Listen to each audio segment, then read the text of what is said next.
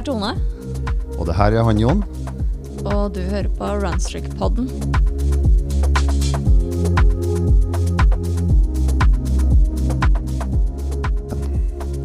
Hei, Jon. Hei, Tone. Ja, da nye, nytt avsnitt. Nytt avsnitt, en ny Runstreak-uke. Åssen har Runstreak-uka di vært?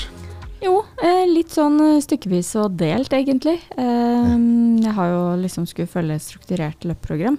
Eh, og jeg har etter, etter seks uker kommet på hvorfor jeg ikke pleier å gjøre det. Ja. Eh, så nå blir det litt hybridstruktur i stedet for. Ja. Så jeg beholder et par av hovedøktene, og så løper jeg resten som jeg vil. ja. Eh, for jeg ble rett og slett sliten av å måtte tilpasse meg hvor mange kilometer jeg skulle løpe hver dag. Eh, fordi at det var sånn at må du løpe seks kilometer denne dagen og syv kilometer den dagen? Og bare tenkte jeg ja, men ingen av de dagene kan jeg da løpe til jobb, for det er jo 10-11. Oh ja, det Ja. ble sånn, ja. Ja, Mm. sånn at det liksom, det går ikke opp. Men uh, da velger jeg å beholde langøktene og fartsøktene. Ok. Bare for at de er morsomme. Ja. Eh, og så, i og med at jeg da løper hver dag, og dette løpeprogrammet er jo lagt opp til at du skal løpe tre til fire dager i uka, og jeg løper syv, Ja. eh, så ble det litt sånn vanskelig å få til å gå opp. Så da eh, bruker jeg grunnstrukturen, og så gjør jeg som jeg pleier. Jeg gjør som jeg vil. Ja, ja. Så, men sånn, ja, bare siste økta i dag var jo um, Da løp jeg fra, fra Hjortnes. Kjørte jeg inn et stykke sammen med Eivind. Og så løp Mm. jeg fra Hjortnes via Frogner. Og så hadde jeg var det fem eller seks sånne tominutters farts eh, bursts underveis. Eh, Ja. i løp, løp to minutter, hadde ett minutt pause, og så hadde jeg seks stykker av dem. Eh, sånn via, via Frogner. Finne alle de flate gatene. Parkveien, Oscarsgate, Ah, ja. sånne ting. Det gjorde de i dag på en, i dag, en hverdag? En Ja. jobbedag? på en hverdag. Mm. Eh, og, så, og så løp jeg ned til jobb. Veldig fin økt, eh, for den er liksom eh, er litt, Du får litt fart samtidig som du skal det skal ikke, Du skal ikke makse, liksom. Ja. Så mm, det er sånne som jeg liker. Wow, så flink, flink du er og gjør sånt før jobb. Ja. Etter jobb har jeg, må jeg podkaste, ellers Ja. så har jeg ikke overskudd. Så Ja. da blir det på morgenen. Det er mye lettere før jobb enn etter jobb, syns jeg. Mm. Det er så tungt å dra på trening etter jobb, så alle de som satser på det, de skal få kudos. Men, men man kan også tenke alternativt, for å si det sånn. Man kan det. Ja. Og, og hvis jeg hadde gått jobb, eller gått rett ut fra jobb og gjort det, så hadde det nok gått. Mm. Ja. Eh, men, men å komme hjem og så skulle dra ut, Mm. bare glemme. Mm -mm, det går ikke. Det skjer ikke, det må skje på direkten. Ja. Men på morgenen så er det lettere. Eh, og Yes. Jeg måtte jo gjøre det selv. Søsteren min eh, er syk, så det er hun jeg pleier å ha sånn morning run club Ja, ja, med på tirsdager eller onsdager. eh, eller begge. Og hun eh, Da måtte jeg løpe alene, så da gjør man ting annerledes. ja. Og du, da? Gjort noe i det siste, du? Eh, ja, vi skal jo snakke litt om arrangementet mitt i helga, men, eh, men det er faktisk eh, Ja, da, jeg har jo hatt et stort løp i helga. Eh, og når man er så busy, så kan man jo nesten glemme å løpe sjøl, så jeg var nødt til å, å liksom lage noen sånne små reminders, da, så jeg ikke skulle glemme å løpe sjøl oppi all eh, viraken i helga. Ja. Eh, og for øvrig så tok jeg en runstreak hit nå. Ja. Fant ut at det var perfekt fra der jeg bor og ned hit til Deichmanske. ja. Det var 2,3 km, det. Det tok liksom 16-17 minutter. Ikke sant? Veldig greit. Ja, helt perfekt. Ja. Og hva har du gjort? Hva er det du har arrangert i helgen? Jo da, du, nå har jeg blitt en race director, da. Så kult. Eh, vi, jeg har arrangert eh, Ekeberg Backyard Ultra Mm. oppe i Ekebergparken her i Oslo. Mm. Så det er mitt første løp som jeg har arrangert noensinne. Og det gikk eh, bra, Så bra. selv om det var på blankis. ja altså det, Føret var jo veldig utfordrende. Ja. Virkelig. Eh, så vi var jo oppe og hilste på dere, og Dere- var var der en times tid. ja. Måtte få med oss en start. En stakkars kondisfotograf som gikk på ryggen så det sang der, så jeg. Ja, det var glatt. Overalt. Ja. Speilblankt. Ja. Så det var noen som kommenterte at det her er kanskje det lengste løpet som har vært med på sånn piggskoføre noensinne. Nei, men eh, man må ta de rekordene man kan få. Ja. Så det er jeg nesten litt stolt av. Ja, men absolutt. Mm. Ja. Men du, arrangerte altså en backyard. Yes. Hva er en backyard? Backyard-løp er jo et uh, rundebasert løp, mm. uh, hvor alle mann starter én fellesstart. Mm. Uh, og så springer man en runde. Hvor lang er den runden? Den er 6,771 ca. km. Mm. Eh, og så er man tilbake til liksom start-målområdet. Mm. Og så starter en ny runde hver hele time. Da må alle starte samtidig. Sånn at hvis du bruker mer enn en time på 6,7 km, så Så er du ut. Så er det ut. Hasta la vista. Å, såpass, ja. Da. Eh, ja, og hvis du vil la være å stille til start, så er du da åpenbart også ut. Ja, så ja. det vil da si at du DNF-er da? Det er en DNF, ja. Mm. Og det det er liksom sånn reglene er. da. Det, det, blir jo på en måte den første, andre, tredjeplass, men, mm. uh, men det blir på en måte liksom én vinner, fordi det er jo da last one standing-prinsippet. Mm. At det fortsetter til uh, så lenge noen gidder å løpe. Mm. Og den siste personen som tar én runde, er den som vinner. Resten har på en måte ikke fullført løpet. Ikke sant. Og det mm. er bare én som faktisk kan fullføre? Ja.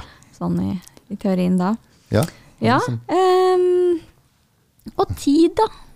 Altså, jeg tenker på eh, hvor mye hva, hva, er snittet sånn på å bruke på en 6,7 km? Altså, hva er litt sånn ideelt?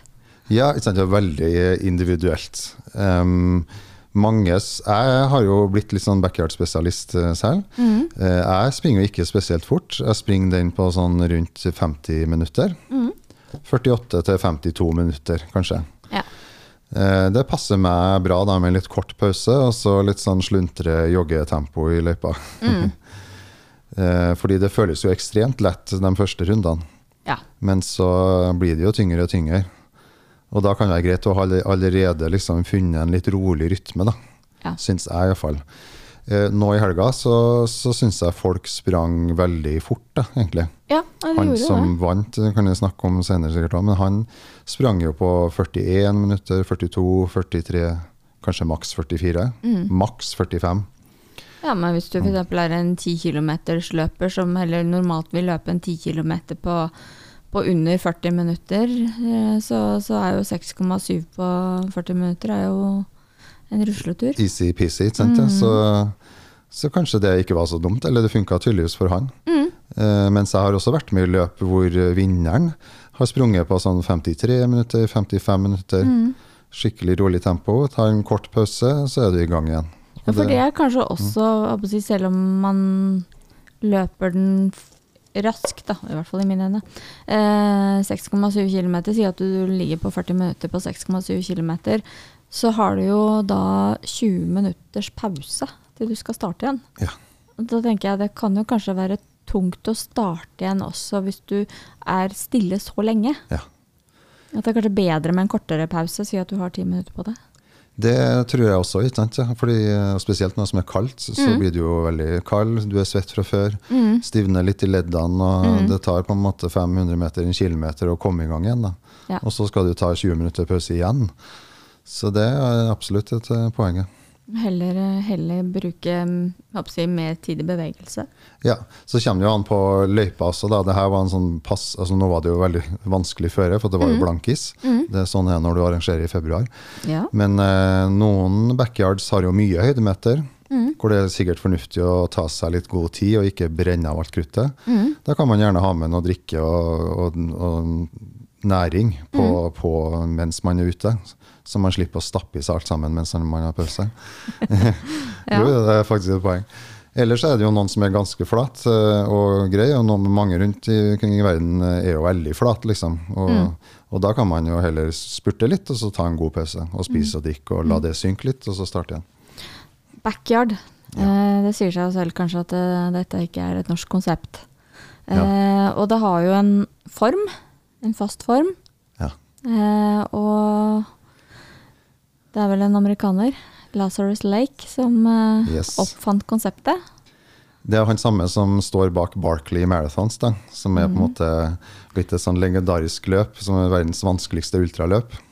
Løpet som spiser sine hoppefulle. The mm. Race That Eats Its Young, ja, det er en sånn mm. dokumentar på, på YouTube. Mm. Eh, som er et, et terrengløp, orienteringsløp, eh, som, eh, som, har litt sånn legendestatus. Mm. Men han her, eh, Lazarus Lake, eller Gary Gantrell, som han, Cantrell, som han heter, heter er en gammel ultraløper, uh, ultragubbe i USA. Mm. Skjegg, storrøyker.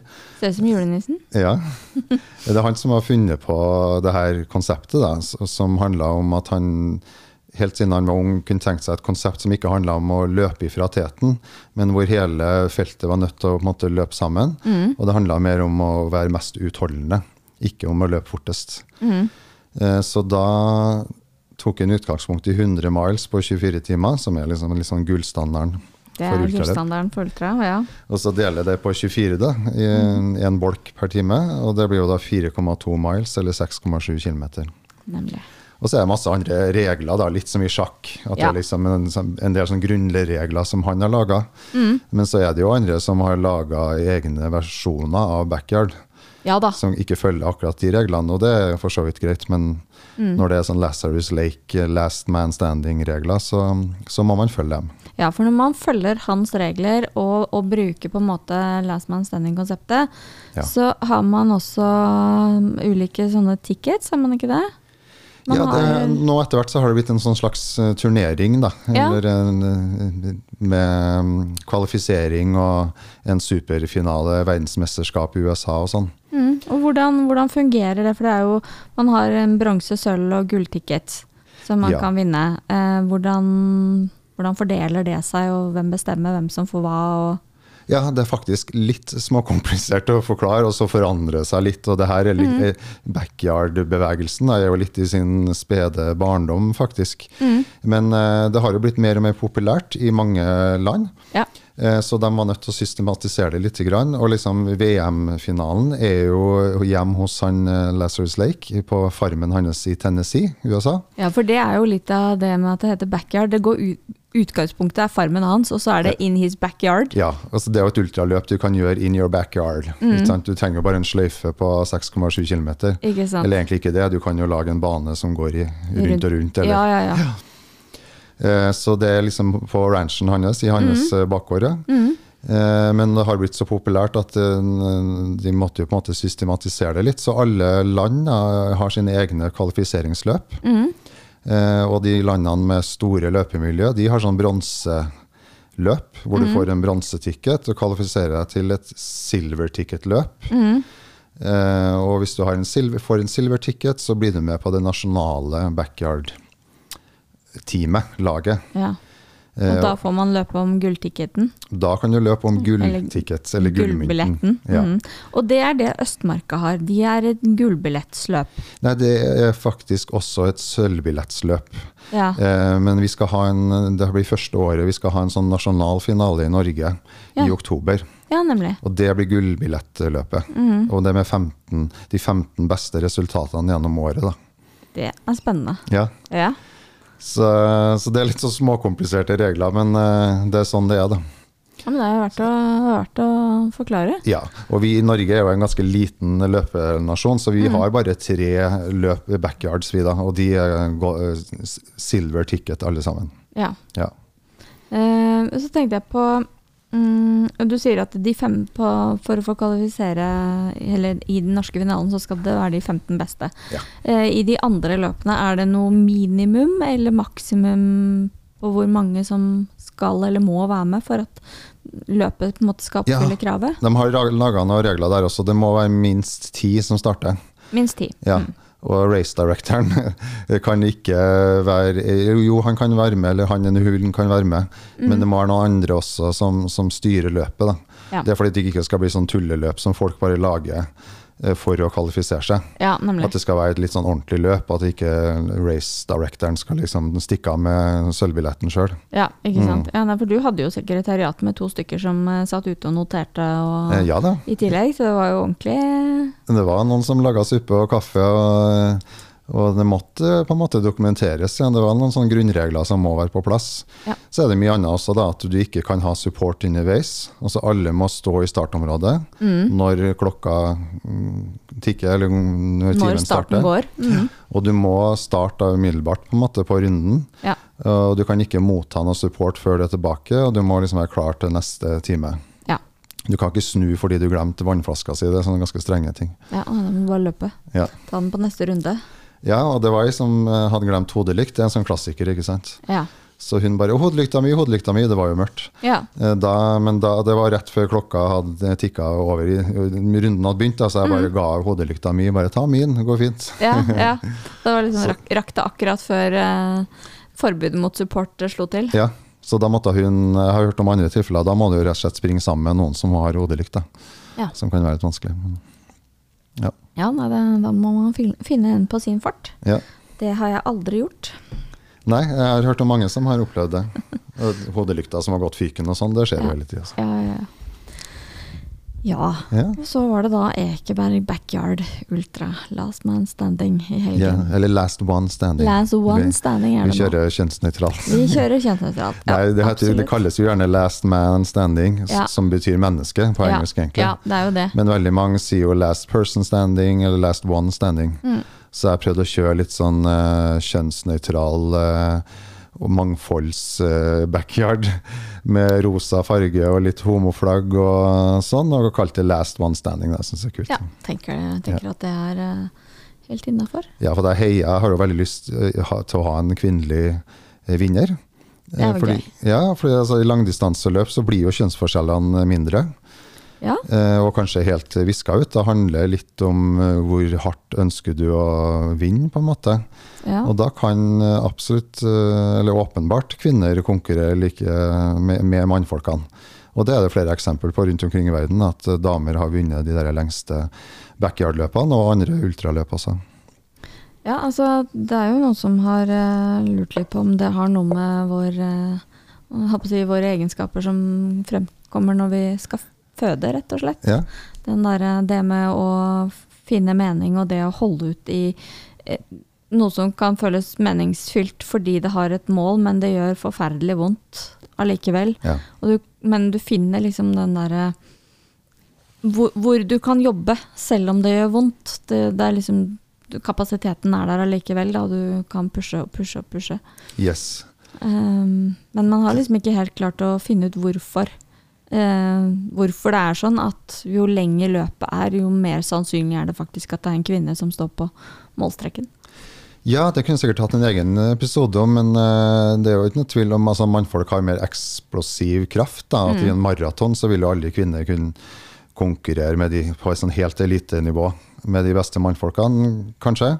Men med en gang du får opp til 50, altså 100 km og 100 miles, 200 miles, så er det jo absolutt mange damer, spesielt i store miljøene, som, som slår mannfolkene stadig vekk. Ja, det, det er veldig Så, spennende. Courtney DeWalter, Maggie Gutterall. Ja. Så, så ja.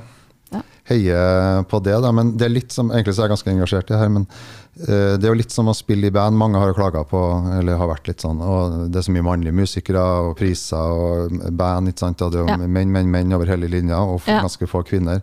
Men det er også litt fordi det å spille i band, det har jeg også gjort, da.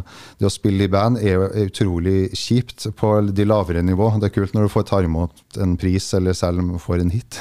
ja, ikke sant? Men det å spille i band er jo på en måte eh, dårlig betalt, masse øving, eh, kjipe mm, lokaler, dyrt, du bruker masse penger på det. Det er veldig få som gidder å Det er helt, ganske meningsløst. Da. Så mange damer gidder jo ikke å gjøre det, fordi det er jo helt meningsløst. Og hvorfor menn gidder å gjøre det, det vet ikke jeg, men eh, de har et sånn annet driv på Vi Ja, er forskjellige, why, ja. Ja.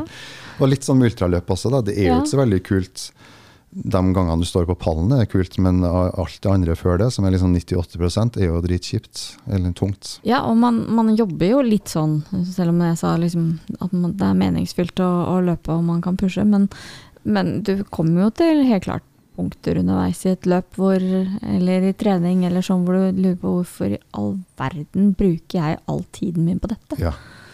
Den lørdagskvelden her og den hele helga går med på det her, det er jo Mm. ja. Jeg har hatt noen sånne runder, ikke minst sånn, jeg har løpt ultraintervaller, eh, hvor man for så vidt sånn også virtuelle konkurranser. Ja. konkurranser konkurranse hvor du løper 10 km hver tredje time. Mm.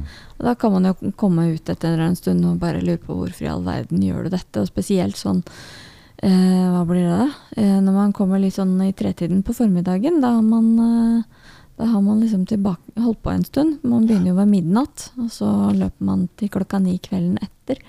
Ja. Eh, og når du kommer da skal løpe intervallet i, sånn i tretiden, da Da har du to intervaller igjen etterpå, og da er det veldig fort gjort å gi seg. Ja. Det er da liksom the why, da. Liksom, hvorfor gjør jeg det her? Det er da det er viktig Ja, så er det jo for folk. Ja, og så, Men så kan det sannsynligvis heller ikke være sånn Du kan ikke ha et sånn der litt sånn høyt svevende, magisk why. Du må ha et veldig sånn konkret, jordnært nå.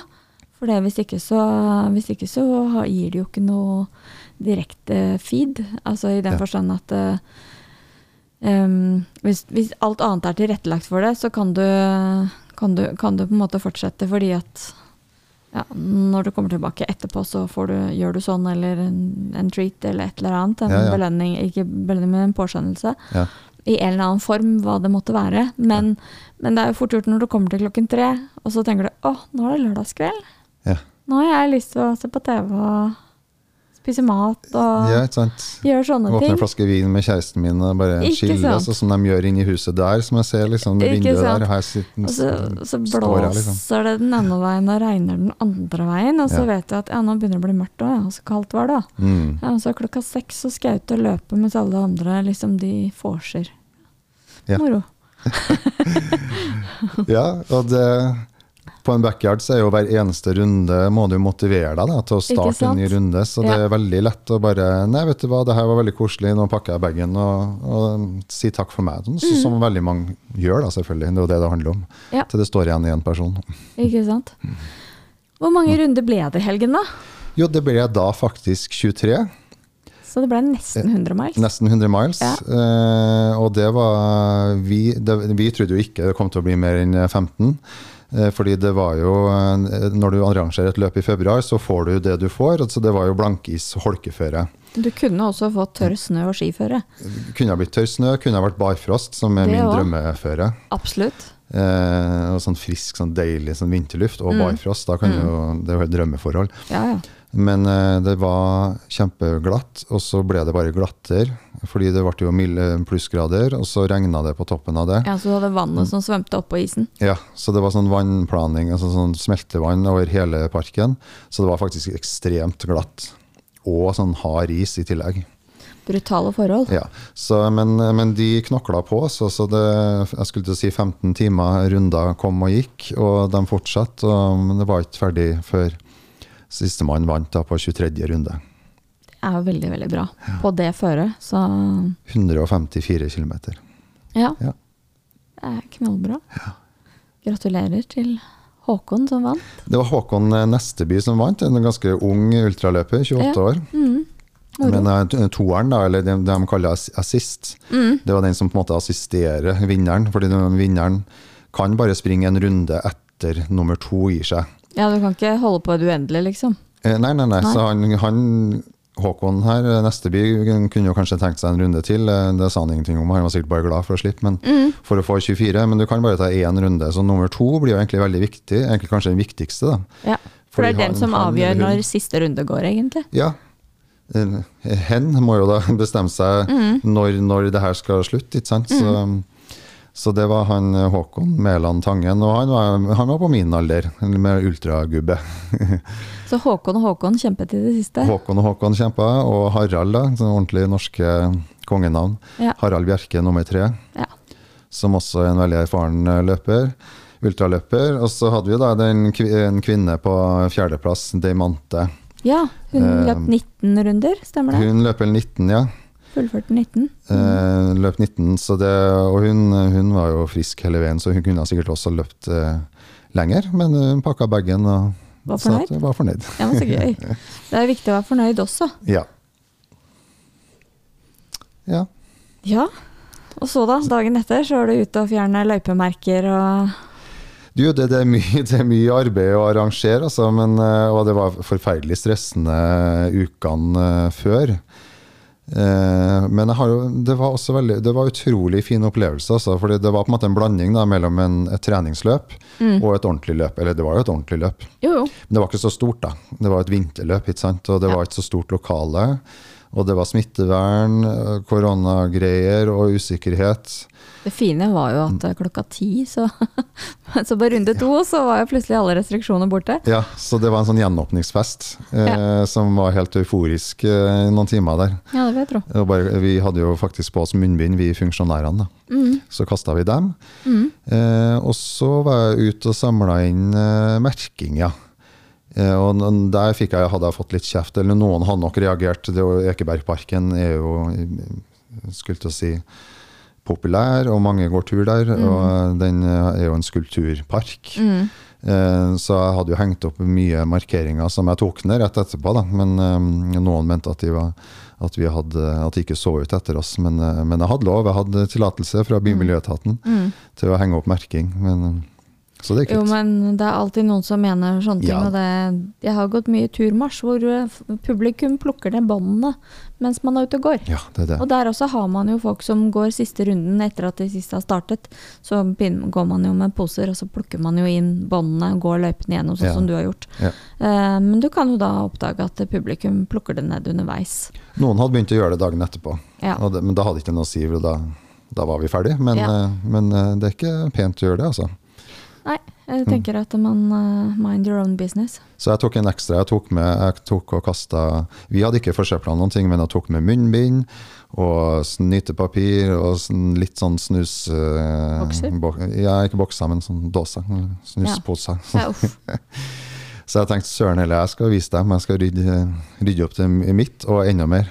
Ja. ja. Det er noe med forlate det som man helst ville hatt det selv. ja, ja. Ja. Jeg, jeg elsker jo Ekebergparken, bruker jo den masse selv. Den er Jeg har gjort mange treningsultra backyards sjøl, Ja. og planlegger å gjøre en ny en, hvis noen har lyst til å være med. Ja. Fordi jeg hadde, ble jo sugen på å springe sjøl, selvfølgelig. Selvfølgelig. Og jeg trenger trening også. Nå blir det ikke noe løp på meg på noen måneder, så jeg har faktisk planlagt en treningsbackyard til i mars. Ja. Så det kan jo de som hører på, kan jo bare ta kontakt, så bli med. Ja. Seriøst. Så det, du skal ikke løpe i april, eller? Nei, det tror jeg faktisk ikke. April, Østmarka um, backyard. Ja. Nei, vi, um, siden jeg var med på så mange backyards i fjor, så har jeg kvalifisert meg til den nasjonale teamet. Ja, nemlig. Så det er akkurat som jeg, jeg tror jeg har lyst til å bare gi noen andre sjansen til å Ja, få en golden ticket. Ja, ja. Nei, jeg mener silver ticket. Ja, ja men det er hyggelig. Um, og være heller frivillig, kanskje, så, på løpet. Ja. Mm. Men det er jo også moro. Ja, altså jeg, vil, jeg elsker jo backyard-formatet for meg. Fordi det handler om å bare holde ut lengst og ikke være så innmari kjapp. For Ja. det jeg kommer aldri til å være først i et sånt uh, tidsløp. Uh, og det er greit, jeg har koser meg fint. Midten av resultatlista og nederst også. Jeg har vært sist i mange ultraløp. Men og at flere vil bli med på backyard-formatet. Så jeg vil gjerne at uh, så mange skal få muligheten til å vinne og, Å være med. og være med. Mm. Men det er, jo, det er jo veldig morsomt med sånne, altså det, at det er forskjellige typer løp. Du har både liksom disse timesløpene, og så har man backyard-formatet, og så har man løp som går over flere dager, og så har man eh, vanlige A til B-løpene. A-B, men i helt ulikt terreng. Masse høydemeter. Mm. Er du jo ja, Flatt. Ja. Oslofjorden rundt er jo flatt. Eller ja, forholdsvis. alt er relativt. Eh, men, Men- men ja, ikke sant. Og, og noe, noe er jo rene terrengløp, noe er fjelløp. Mm. Du har jo disse skyracene også, som du skal være på over 2000 meter. Ja, det, det blir litt for heftig for meg. Eh, Jeg får litt, eh, det blir for luftig. Det blir veldig luftig. Men eh, jeg tenker at det er jo veldig fint at det finnes løp for alle. Rett og slett. Alle kan finne sin favoritt. Absolutt. Det er jo eh, ja, det er kanskje lurt å hvis man skal prøve ultra eller hvilket som helst løp første gang, mm. prøve kanskje i et, jeg synes i hvert fall i et kjent eh, terreng. da. Ja. Kanskje et sted hvor du Jeg husker jeg var med på Nordmarka Ultra Challenge mm. første gang, og så tenkte jeg Det var noen som sa 'Å, herregud, skal jeg være med på det?' Så mye navigering og Ja. Men så tenkte jeg, vet du hva, Nordmarka her i Oslo har jeg vært så mye, jeg har vært på tur.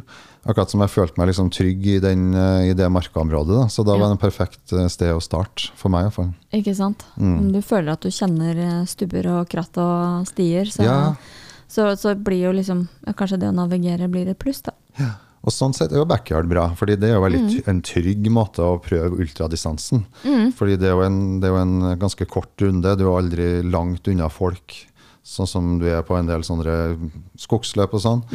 Hvor også hvis det skjer noen ting, så er hjelpa kort vei unna. Du har alt utstyret du trenger i, i basen eller i start-målområdet. Du kan fylle på med næring, du kan ha support der. Folk som kjenner deg. Toaletten er nærme. Toalett, ja. Så skift. Så Ja. det, det er veldig bra. Det er litt samme som timesløpene. Seks Ja. timer og den type ting er også veldig safe ultrastart. Veldig. Og sosialt. Sekstimers er jo fantastisk. Mm. Ja, ja. Eh, Og de har jo ofte maratonpassering også, hvis du vil prøve deg på en maraton i helt trygge former. Ja, for da får man en offisiell maratonpassering Ja, å underveis i sekstimersløpet. til Mm. Ja. Ja. Er det noe du har lyst til å tilføye? Nei, det, altså, det er jo tre løp, da. Eh, mm. Østmarka i, um, i april, og så er det jo Hell Backyard i, mm. i juni, juni, tidlig juni, Ja. oppe i Trøndelag. Ja. Og så finnes det andre backyards eh, i Norge, som, men de er ofte sånn som bare har tolv runder, ikke sånn last one standing-prinsipp. Nemlig. Det har jeg vært påmeldt. Jeg har ikke vært deltatt på en, men det er også kult å være med på hvis man vil prøve seg på backyard. Da. Ikke sant. Ellers så kan man arrangere backyard selv.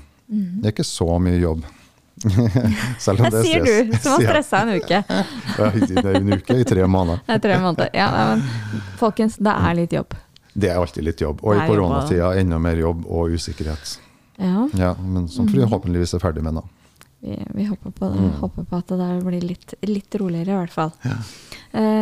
ja. Nei, vi, vi, vi, sånn side, sidevei her, det er jo Sverige er jo veldig store på backyard. Yes. Ja, ja. Eh, Så til de grader. De har jo et løp, eh, og i sesongen så er det backyards hver eneste helg. Mm. Jeg tror det må være jeg tror, jeg tror kanskje det er 40 eh, backyards i Sverige, store og små. Og det som er så kult, det er masse sånn små også, som men bare i anførselstegn varer i 15 timer. Ja.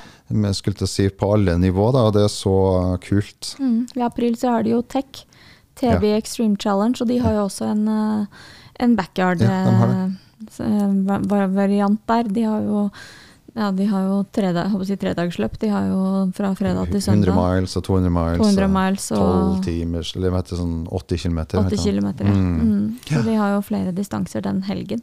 Ja. Det er for øvrig en veldig morsom helg å være med på. Har du vært der? Jeg har vært der. Ja. Eh, skulle være eh, support, eller eh, skulle være følge, følgeløper Ja. for Ellen Westfeldt, faktisk. Eh, men, ja. men så er det jo sånn når man er på løp, da, og man vet aldri hvordan løperen egentlig har det.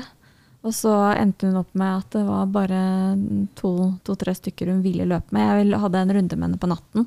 Ja. Um, og etter hvert som det dro seg til, så var det liksom hun ville helst løpe med Jonny. Som hun aldri har, pleier å ville løpe med når hun Med løper sånn. samboeren sin? Ja. Ja. Um, men, men da var det det hun trengte. Ja. Da, men det gjorde at liksom, jeg var jo oppe og tittet og, og, og sånt noe. Jeg var, eh, kunne sannsynligvis ha bidratt for andre, Ja. eh, men eh, jeg er ikke alltid så veldig god på å være frampå på sånne ting. Så jeg liksom. Men jeg fikk jo med meg hele helgen. Ja. Og det er fantastisk liv, og skal tenke man å Det er også et sted å f.eks. prøve seg på en eh, hvis man har lyst til å løpe 100 miles eller Mm. 8 km, for det der, der er det runder på 11,7 km eller Ja. noe sånt nå. Så det er også en sånn veldig safe måte å gjøre det på. Du har ganske god tid på deg hvis du har lyst til å prøve 100 miles, og heller ikke all verdens De er flinke på det, de svenskene. Altså. Mm. Vi nordmenn skal liksom være litt mer sånn ekspedisjon. Vi skal liksom være litt sånn tøffere og barskere. Og det er for så vidt greit, men svenskene er litt flinkere til å legge til rette til sånne Nordmenn kan selv.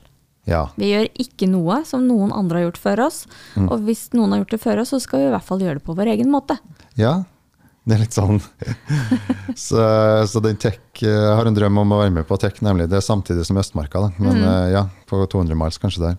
Ja. Men det er i en mulighet til å melde seg på en eh, backyard i Sverige, da. Det, nå er det jo helt åpent igjen, så, så det har jeg gjort. Jeg har vært med der. Kjempekult. Og da dette løpet som du snakker om, som er det nasjonale i oktober, Mm. hvor er det det Det er faktisk ikke, ikke bestemt. Nei. Det er på en måte jeg og meg og Anita eh, Kråkmo og Lars Erik Gylland oppe i Trøndelag som, eh, som på en måte har blitt denne komiteen. Da. Det er veldig løst sammensatt, det her jo. også fortsatt, men om fire-fem år så er det sikkert det her en proff organisasjon. Nå er vi litt sånn i starten. Vi har, så vi har faktisk ikke bestemt om det blir Østmarka, kanskje eh, Oslo, Ja. eh, Ekeberg, Ja. eller kanskje noe annet. Vi har snakka om litt forskjellige muligheter. Ja, så for det hell kan vi også skryte av. Det er jo Ja. veldig Jeg har løpt 24 timer der, du har løpt eh, ultra, eller backyarden Backyard, der. ja. De er flinke. Hell ultraløperklubb har jo et fantastisk løpemiljø. Ja, virkelig. Ligger jo rett ved flyplassen, så Ja. sånn sett er det sentralt. Virkelig. Eh, og- Værnes, Ja, og de har jo hoteller liksom omtrent ligger ved siden av løpebanen, så det er jo veldig, veldig bra. Det er det også. Så det kan Stjørdal tar kan anbefales. Ja. Men det, det er mye som han Lars-Erik Gylland sa, det er mye myr. eh, Det, det er mer som et gateløp da, Ja. der. Men eh, det marka der er mer sånn eh, Myrete. Myrete. Mm. Ja. Ja, men eh, Det blir veldig spennende å se hvor, eh, hvor, dere, hvor dere bestemmer dere hen. Og det er jo klart Ja. at når, når det finnes tre eh, løp av den typen i Norge, og, og dere er tre race directors, så, Ja. så blir det på en måte dere som er, utgjør komiteen. Ja, det blir det. Ja. Veldig gøy. Så det er litt ansvar, men det, det er gøy. Man må bare Ja. ta det for det det er. Ja. Ja. Da er vi kanskje kommet til veis ende. Ja, men det tror jeg egentlig. Takk Ja. for at jeg fikk skravle og tømme hodet om eh, helgas strabaser. Eh, bare hyggelig. Men det er jo kjempespennende. Ja. Eh, og det er jo litt annerledes enn eh, veldig mange andre typer løp. Ja, og, litt, og mange, eh, mange runstreakere som var med på løpet også. Så vi har prata litt runstreak, og det ligger jo litt kanskje i backyard spiriten. Det derre jevne Ja, tralten. det er jo noe med det. Det er noe med det. Ja. Nei, men så takk for nå. I like måte. Og skulle du ha en eh, fin dag, eller ikke så fin dag, så har du alltid runstreaken. Så høres vi. Ha det godt.